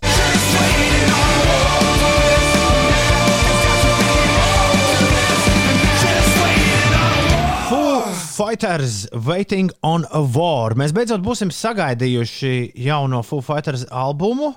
Tā nosaukums ir Medicine at Midnight, un piekdien to būs iespēja klausīties visur, kur tu klausies mūziku. Jo piekdien tas beidzot būs oficiāli klāt. Albums numur desmit Foo Fighters karjerā - Medicine at Midnight. Tā, pagaidām šķiet visaizraujošākā dziesma, Waiting on a War, nu pat tavā radioaparātā. Ak, tā Gregs Kirstins to ir producējis, viens tāds leģendārs amerikāņu producents. Un Spaiks Stens ir miksējis, slavens miksētājs. Vai uh, gaidām ar nepacietību arī citas jaunās Foo Fighters dziesmas. Piektdien mums būs maza Foo Fighters balīti, par to nav it nekādu šaubu. Bet šobrīd pareizais laiks ir 8,24. Ines, tu jau esi uz ielas? Es jau kādu laiku esmu dzīvojis. Jā. Kur tu tieši pārvietojies? Varbūt kāds tev var uzpīpināt, kas brauc garām. Nē, nevajag man uzspīpināt. Es tagad esmu uz Čakielas, Mm. bet es tagad uh, iegriezīšos Berga bazārā. Jā, tur mazliet klusāks ir. Jā, iegriezies Berga bazārā un pastāsti, kas notiek. Īstenībā tev nevajadzēja sākt šo stāstu ar to, ka es eju pie zobārsta. Vajadzēja stāstīt, ka es esmu beidzot nolēmusi iziet ielās un apsakot tās sastrēguma vietas pati personīgi. Es gāju pa avotielu, tur pirms Latvijas ielas mazliet veidojās sastrēgums, bet nu, tas nebija nekas ā, nopietns. Latvijas iela bija diezgan labi izbraucama, un arī Čaka iela izskatījās, ka viss ir ā, kārtībā, ka nav nekāda sastrēguma, nekādas kavēšanās. Par valsts nozīmes autoceļiem tie ir notīrīti šajā rītā. Nu, slīdens droši vien ir, bet izbraucam ir. Varbūt uh, reģionālās nozīmes autoceļi tur varētu būt mazliet grūtāk ar braukšanu. Un par lietām citviet. Šodien Uldis runāja par Dubaju un augstāko ēku. Tajā man ir arī ziņa no Dubajas. Tur pēc jaunā koronavīrusa uzliesmojuma līdz mēneša beigām būs slēgti visi bāri un krogi. Nu, tā kā cilvēki aizvien mazāk sāk ievērot visādus preventīvos pasākumus, tad viņi ir nolēmuši mazliet uh, nopietnāk ķerties lietām klāt. Uh, Kinoteātris, sporta uh, zāles, tie gan vēl paliks vaļā. Tie varēs uzņemt tikai pusi no maksimālā apmeklētāju skaita. Bet, bet bāri un krogi tie gan īstenībā ir tik grūti runāt un iet vienlaicīgi. Jā, tie, tie tiks slēgti. Izkla Tā ir, jā. Izklausās, ka- izklausās, ka arī mīnus 6 grādu temperatūra dara savas korekcijas. Ines, kas notiek rubrikā. Kādā Tā ir ar to iešanu. Es domāju, ka tas ir tāpēc, ka man varbūt tur kaut kā nu, forma, fiziskā sagatavotība tāda, bet vienkārši ejot un runājot, ir tā, kaut kā ir. Jā. Kaut kā nesaskaņojās tā elpa ar, ar fizisko aktivitāti un runāšanu. Jā. Reiz senos laikos uh, man bija tāds radio sketčs, kurā bija uh, kolēģis, uh, līdzīgi kā Ines šobrīd, bruņojies ar handsfree sistēmu. Viņš gāja kaut kur dažādās situācijās, un es viņam teicu, kas ir jādara. Ļoti labprāt, Ines, to ar tevi kādreiz uzspēlēt šādā veidā. Man īstenībā nebūtu nekas pret. Man patīk kaut kādas jaunas lietas, pamēģināt, citādi paliek garlaicīgi. Iet klāt svešiem cilvēkiem un teikt, es atvainojos, man šķiet, ka mēs esam mācījušies skolā. Nu, ar to iešanu pie svešiem cilvēkiem klāt, nu tā. Bet uh, tas īstenībā varētu būt viens no lielākajiem izaicinājumiem. 8,27 minūtes ir pareizais laiks. Dāmas un kungi, Ines šorīt darbībā. Haha. Kas jums tur bija par uh, sūtījumu nodošanām? Ines, un stāstiem par, par to. Vai tiešām, vai, tiešām, vai tiešām jums šķita zelta materiāls šai radio pārraidē, tas, ka es Ines aizsūtīju uz nepareizu adresi vakar? Vai tas ir zelta materiāls? Es nezinu, vai tas ir zelta materiāls, bet mums likās, ka, par, ka par to mums uh, ir jāaprunājas. Vakar Ines, Man īstenībā vakar mazliet- Ines deva, eh, nolēma atbraukt uh, un pār sētu no manis paņemt grāmatas. Inesai ir bail pasūtīt kaut ko internetā, tāpēc es, tāpēc es pasūtu Inesai visu kaut ko viņas vietā. Un tad Ines atbrauc un to paņem. Un tieši tas vakar notika. Man ir gluži bail. Ja vienkārši iereiz viens cilvēks sūta, tad kāpēc gan neizmantot izdevību un nepasūtīt ar viņu kopā? Jā, loģiski. Nē, nē, sanāk, sanāk jau tā sūtīšanas izmaksas sanāk lētāk. Tā ir. nu, lūk, un vakar man bija jābrauc pakaļ savām grāmatām. Es pie Toma uh, iepriekšējās mājās esmu bijusi vienreiz, kad tur rīkoja hokeja skatīšanās pasākumu pirms vairākiem gadiem. Un, man liekas, ka pagājušajā vasarā es arī tevi vedu mājās uz jauno māju vietu. Jā, Bet nu, precīzi adresi es nevienai, ne otrai vietai nezināju. Un uh, vakar, tad, kad tu man atsūtīji adresi, nu, es tā kā neko, neko ļaunu nenojautu. Bet, uh, tas nebija bet nekas tad, kad es ļauns. iebraucu meža parkā, tad es nodomāju, paga, paga, paga. Vai tik šī nav vecā māja vieta? Bet visu laiku es centos nomierināt ar domu, ka nu, varbūt Toms atbraucis ciemos un tās grāmatas paņēmis līdzi, varbūt kaut kādas darīšanas šeit, varbūt viņš izdomājis atskriet uz šejieni. Man pulksten divos Un tad, kad es dienā apstājos pie Uldis, atsūtītā- Uldis sākās ļoti svarīga sapulce. Ļoti svarīga sapulce. Pulksten divos 20. Ines raksta, kāda tev bija adrese? Mirklī, kad es esmu ļoti svarīgā sapulcē, un es automātiski Inesai aizsūtīju savu bijušo adresi. jā, atgādinām, ka šī adrese nav aktuāla jau pusotru gadu, mazliet ilgāk nekā pusotru gadu. Jā, un tad, kad es eh, apstājos pie mājas, tad es domāju, nē, šī noteikti nav tā vieta, uz kurienes Tomu vedu vasarā mājās. Un tad es, Un tad saņēmu, jā. tad es saņēmu ziņu, tu tiešām tur dzīvo? Tā nav tava vecā adrese. Tas jau bija stundu vēlāk. Bet es. Inesai iedevu atlaidi nu, tajā grāmatā darījumā par to, ka viņai šī tā bija jābrauk. par piegādi. Jā, nu, piegādes naudu netika paņemta. Nu, kaut, kā, kaut kā apmēram tā. Ko no tā var mācīties, nezinu. Nu, nevajag darīt Iemācīties kārtīgi savu adresi. Nevajag darīt divas lietas vienlaicīgi. Vienkārši. Jā, turpina Arī, izvairīties. bet es tev prasīju, vai tu visu dienu būtu mājās, un, un tu nu, no tavas, eh, tavām atbildēm nevienā brīdī nekas neliecināja, ka tu ar kaut ko ļoti svarīgu Pagaid, bet nodarbojies. tagad t- tad mūsdienu, mūsdienu iekārtojumā vajadzētu atvainot, vajadzētu tā, tajā brīdī, kad tev ir uh, liela sapulce, to neskaitīt, un tu esi mājās. To neskaitīt kā laiku, kad tu esi mājās. Nu, principā, jā. Nu, tad tā Varbūt arī, sanāk. jā. Tāpēc vienkāršāk ir iet sapulces ārā, jo tad tu vienkārši arī neesi mājās. Bet, bet principā, jā, tu esi aizņemts un viss. Es arī, ja man zvana kāds, tad es saku sapulce. Pat ja es sēžu mājās pie datora. Jā. Interesanti. Astu... Bet uh, Ines jā. var Nu, nomierināt. Es, tā- es zināju to adresi un tāpat nevarēju atrast. Du, du, du, du, du, du. Kaut kā tas Discovery kanāls šodien tā biežāk tiek, tiek pieminēts šajā raidījumā. Super, Tom, tavas telepāta spējas darbojas atkal uz visiem simt procentiem, raksta ērglis. Visi dejojam mājās esošie. Uh, Jankijs ir piefiksējis, ka šī nav pirmā reize, kad es kādu apčakarēju ar adresi. Galu galā atcerēsimies, kā Inesai Ziedi dzimšanas dienas rītā devās pie viņas. Ak, jā, pareizi. Tāda lieta bija. Bija tāda lieta. Jums Jā, jāpadomā, pieslēdz, Jā, mums pieslēdz arvien vairāk cilvēku un, un jautā, kāpēc Ines kaut kur staigā. Ines dodas mm, savos dienas darbos un stāsta, kas notiek ielās pie reizes. tev jāpadomā, kā uzlabot audio kvalitāti. Ines ļoti čirksta šādā formātā, raksta Matīs, bet visi var saprast, vai ne? Nu, vismaz mēs, mēs ar Ulu visu saprotam. un Man liekas, ka visi tie radioģeneratori, kas tālāk pārtaisa skaņu, arī vajadzētu būt, ka, vajadzētu būt, ka visi var ļoti labi saprast. Nu, jā, man ir vienkārši austiņu mikrofons. Man negribējās ņemt to lielo dziedātāju mikrofonu ar vārdu. Tas varētu izskatīties diezgan dīvaini. Tas varētu Tas būtu jauki, iedomājieties. Tad radīs tā soma, tad radīs tā mugursoma un mikrofons rokās. Jā. Kāda vaina? Kāda vaina?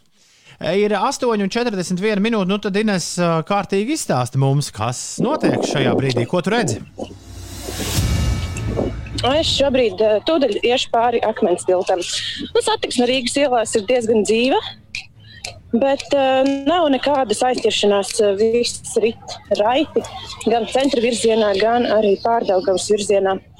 Es no rīta stāstīju par, eh, par sportistiem, par eh, Nacionālo basketbola asociāciju, bet es aizmirsu pastāstīt par Dienu Kurutu. Par Kristofru Porziņu un Dallas Maveriks zaudējumu es izstāstīju, kur pēdējās spēles minūtē praktiski Phoenixas Suns uzveica Maverikas spēlētājus, Maverikas spēlētājus ar rezultātu 109 pret 108. Tur eh, Kristofers Porziņš guva 19 punktus un atzīmējās ar double-double. Bet uh, Latviešu basketbolists Rodions Burbuļs NBA mačā spēlēja pēdējās piecas minūtes, un viņa pārstāvētā Houstonas Rockets svinēja panākumu. Rockets ar rezultātu 136 pret 106 apspēlēja Oklahoma Tiesa Thunder spēlētājus. Vēl šodien paredzēta Rīgas dīnāmo spēle Maskavā pret Maskavas CSK. Tā sāksies pulksten puses septiņos eh, vakarā. Un traki tie, kas runājot Un ko vēl par sportu var pastāstīt? Nu jā, Teodora Bļūgera Pitsburgas Pingvīns ar rezultātu 1 pret 3 zaudēja New York Rangers spēlētājiem. Tikko pabrauc man trolēbus garām. O, neticami. Skaņas. Es ceru, ka jūs eh, dzirdējāt. Nē, ne jau skaņas, bet mani. Skaņas efekti Man ir, ir brī, ir brīnišķīgi. Tiešām šķiet, ka tu cauri, Oi, bet cauri galaktikai šobrīd šaujies. jā, jā, tik jā. skaists. Nu, Skaists saulēkts. Varētu būt arī mazliet labāks, bet arī šis ir skaists. Tie, kas varbūt ir ielās, var pievērst uzmanību. Sakoju. Līdz galam jau. jūs smējaties? Līdz galam skaists nav, bet vispār gan skaists. gan skaists ir. Tas labi, tas labi. Nu, jā, ir redzēti arī labāki, bet uh, pēdējo dienu laikā šis ir pieņemams. 8,43. Baudām saulēktu un klausāmies, klausāmies mūru. Šie ir ķiršu koki. Labrīt!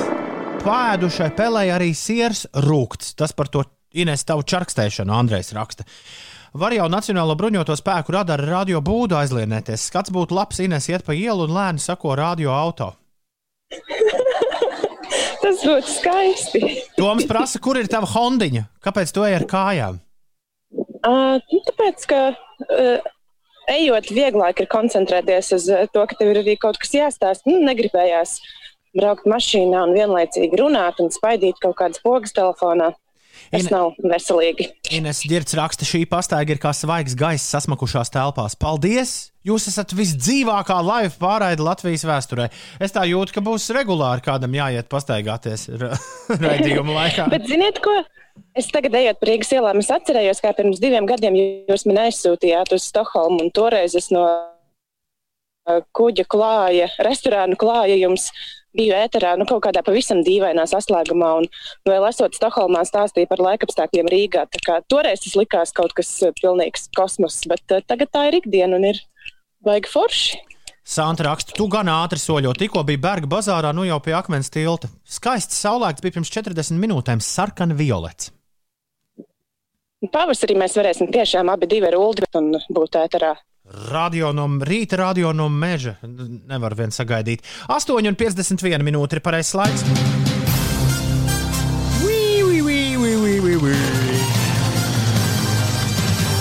Jūs esat unikāli. Darīsiet jebko, lai būtu ēterā. Iespaidīgi. Andrejs raksta, jā.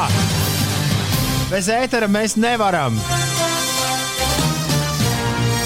Un klusi ceram, ka jūs arī ka mēs neesam vienīgie. Mēs sākam šorīt interesantās ziņas ar ziņu no mūsu ugunsdzēsējiem, precīzāk valsts. Precīzāk, valsts ugunsdzēsības un glābšanas dienesti. Diemžēl mums par šo stāstu nav zināms nekas vairāk, kā visai paskopā informācija, ko uh, valsts ugunsdzēsības un glābšanas dienests publicējis sociālajā, savos sociālajos tīklos. Taču varbūt tāpat ir labāk. Katrs var iedarbināt savu fantāziju. Uh, ugunsdzēsēji rakstīja vakar Twitterī. Šodien, strādājot izsaukumā Rīgā, kur dega elektrisko vilcieniņu makets 3 km platībā, ugunsdzēsēji glāba spēcīgi piedūmotās ēkas, iznesa trīs kaķus. Es nekad nebiju iedomājies, ka, elektrisko vilcieni, ka elektriskie vilcieniņi var būt bīstami. Nu, ja tur trīs kaķi ar viņiem spēlējas, tad Nif, nif, naf, naf, nuf, nufs. Turpinot labas ziņas par zvēriem un zvēriņiem, kā jau pirms brīža Arta rakstīja, šodien mēs uzzināsim, vai 2021. gadā gaidāms agrs pavasaris, vai arī vēl sešas nedēļas pieturēsies ziema. Ir pienākusi murkšķa diena! It's Groundhog Day! Neviens gan mums līdz šim nav paskaidrojis, vai slavenais mūžs vārdā Punksatonijas Fils kaut kādā veidā prot prognozēt Latvijas pavasara atnākšanu. Taču mīļā miera labāk varam pieņemt, ka tam ir kāda jēga. Un kā jau visu šogad, arī mūža dienas pasākums šogad notiks virtuāli, bez publikas klātbūtnes, un tas nozīmē, ka varēsim to vērot arī mēs interneta vietnē groundhog.org. Groundhog.org.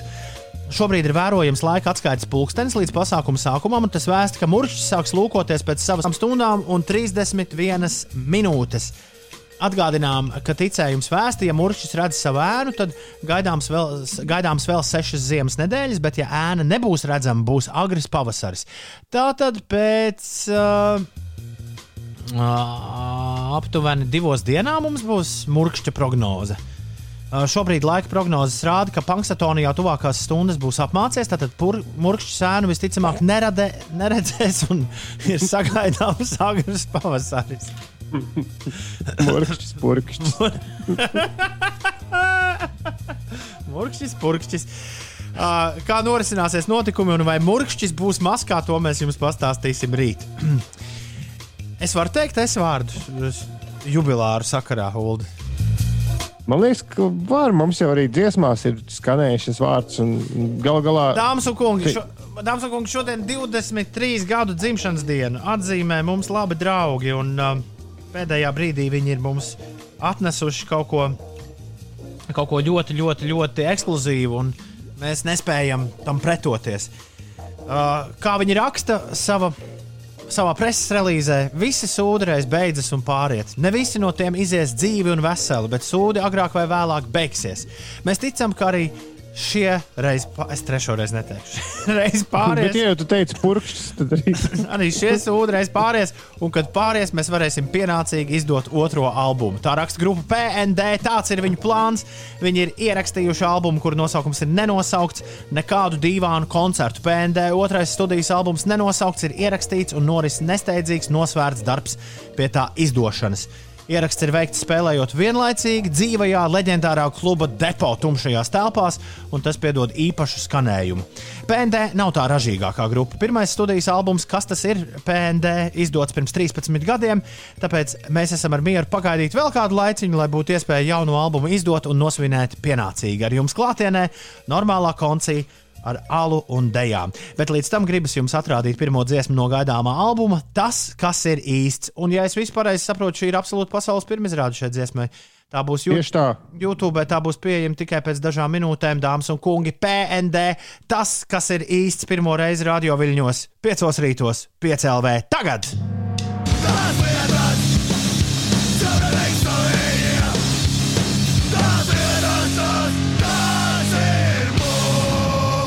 Daudz laimes dzimšanas dienā PND.